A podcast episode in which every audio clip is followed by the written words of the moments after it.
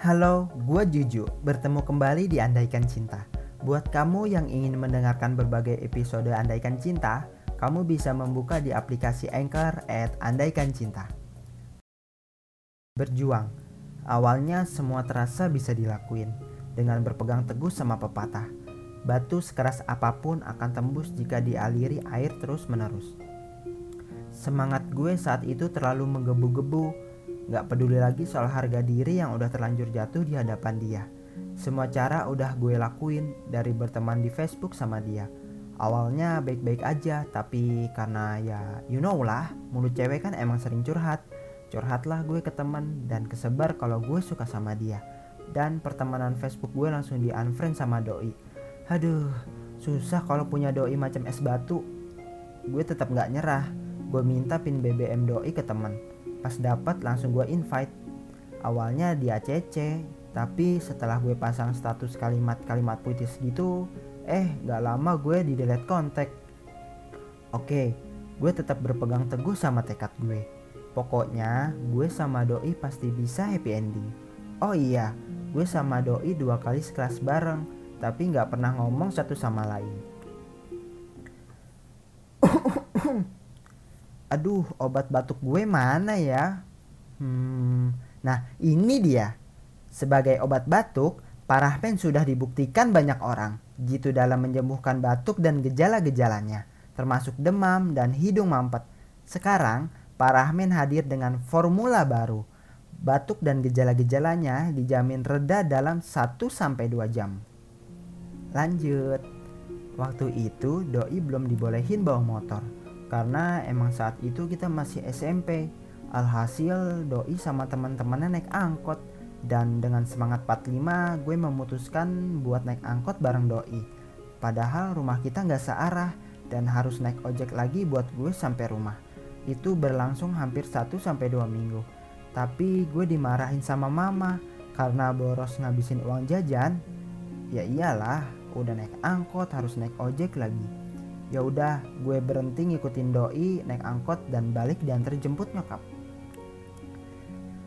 Nah, gue nggak putus asa. Selang beberapa bulan setelah di DC BBM gue, gue invite doi lagi di ACC sama dia.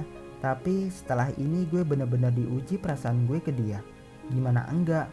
Waktu itu gue sama doi pas-pasan di kantin. Teman di samping gue refleks bilang, cie cie. Dan doi langsung ngomong kasar di depan gue. Doi mulai ngehindar, mau buang sampah misalnya. Gue lagi di dekat tempat sampah karena emang kondisinya gue juga lagi buang sampah. Dan Doi gak jadi buang sampah dan balik duduk di tempat. Terus Doi pernah satu kelompok kan sama gue. Kan biasanya kalau satu kelompok pasti duduk di meja yang sama kan. Tapi Doi malah duduk di meja kelompok lain. Pokoknya bener-bener ngehindar deh dari gue. Huh. Aduh, siang gini malah ngantuk. Padahal masih siaran. Kalau sampai tidur beneran bahaya nih. Oh iya lupa, kan di tas ada permen. Ini dia, permen Kopiko. Enggak ribet kan? Tinggal buka bungkusnya, dimakan deh. Permen asli dari biji kopi yang rasanya manis-manis melek gitu. Permen Kopiko bukan yang lain. Singkat cerita, gue sama dia lulus SMP dan mulai ke jenjang yang lebih tinggi. Kita beda sekolah. Sekolah dia sama gue jauh banget jaraknya. Tapi gue nggak tahu kenapa semesta selucu itu buat skenario hidup gue. Setiap gue berangkat sekolah, gue pasti ketemu doi di pertigaan jalan. Doi suka banget pakai hoodie marun. Setiap pagi gue selalu cuci mata. Sampai akhirnya pas gue kelas 2 SMA, Sekolah gue lagi ngadain pengambilan nilai di kolam renang. Gue masih inget tanggal 10 Mei 2017. Gue ngebatin pas di jalan arah kolam renang. Doi apa kabar ya? Ah pasti dia udah lupa sama gue. Tapi kapan perasaan gue ke dia berakhir? Karena sumpah deh, suka sama orang yang tahu kita hidup di bumi aja enggak, itu sulit banget. Dan lagi-lagi semesta emang selucu itu soal takdir gue ketemu sama doi di pintu kolam renang. Gue diem doi pun diem. Kita cuma bisa berkomunikasi lewat kontak mata. Itu pun gak ada 5 detik. Singkat cerita sekarang gue udah semester 2 oke gue udah kuliah dan yap perasaan gue ke dia masih sama tapi perjuangannya kali ini beda. Gue buat kisah gue sama doi abadi di tulisan dan bisa hidup di kepala banyak orang Walaupun sekarang doi udah punya pacar, nggak ada sedikit niatan gue buat tiba-tiba datang dan berjuang kayak dulu.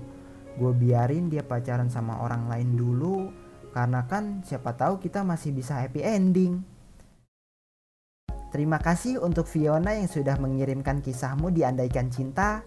Buat yang ingin mengirimkan naskahmu juga, kirimkan melalui email di andaikancinta@gmail.com.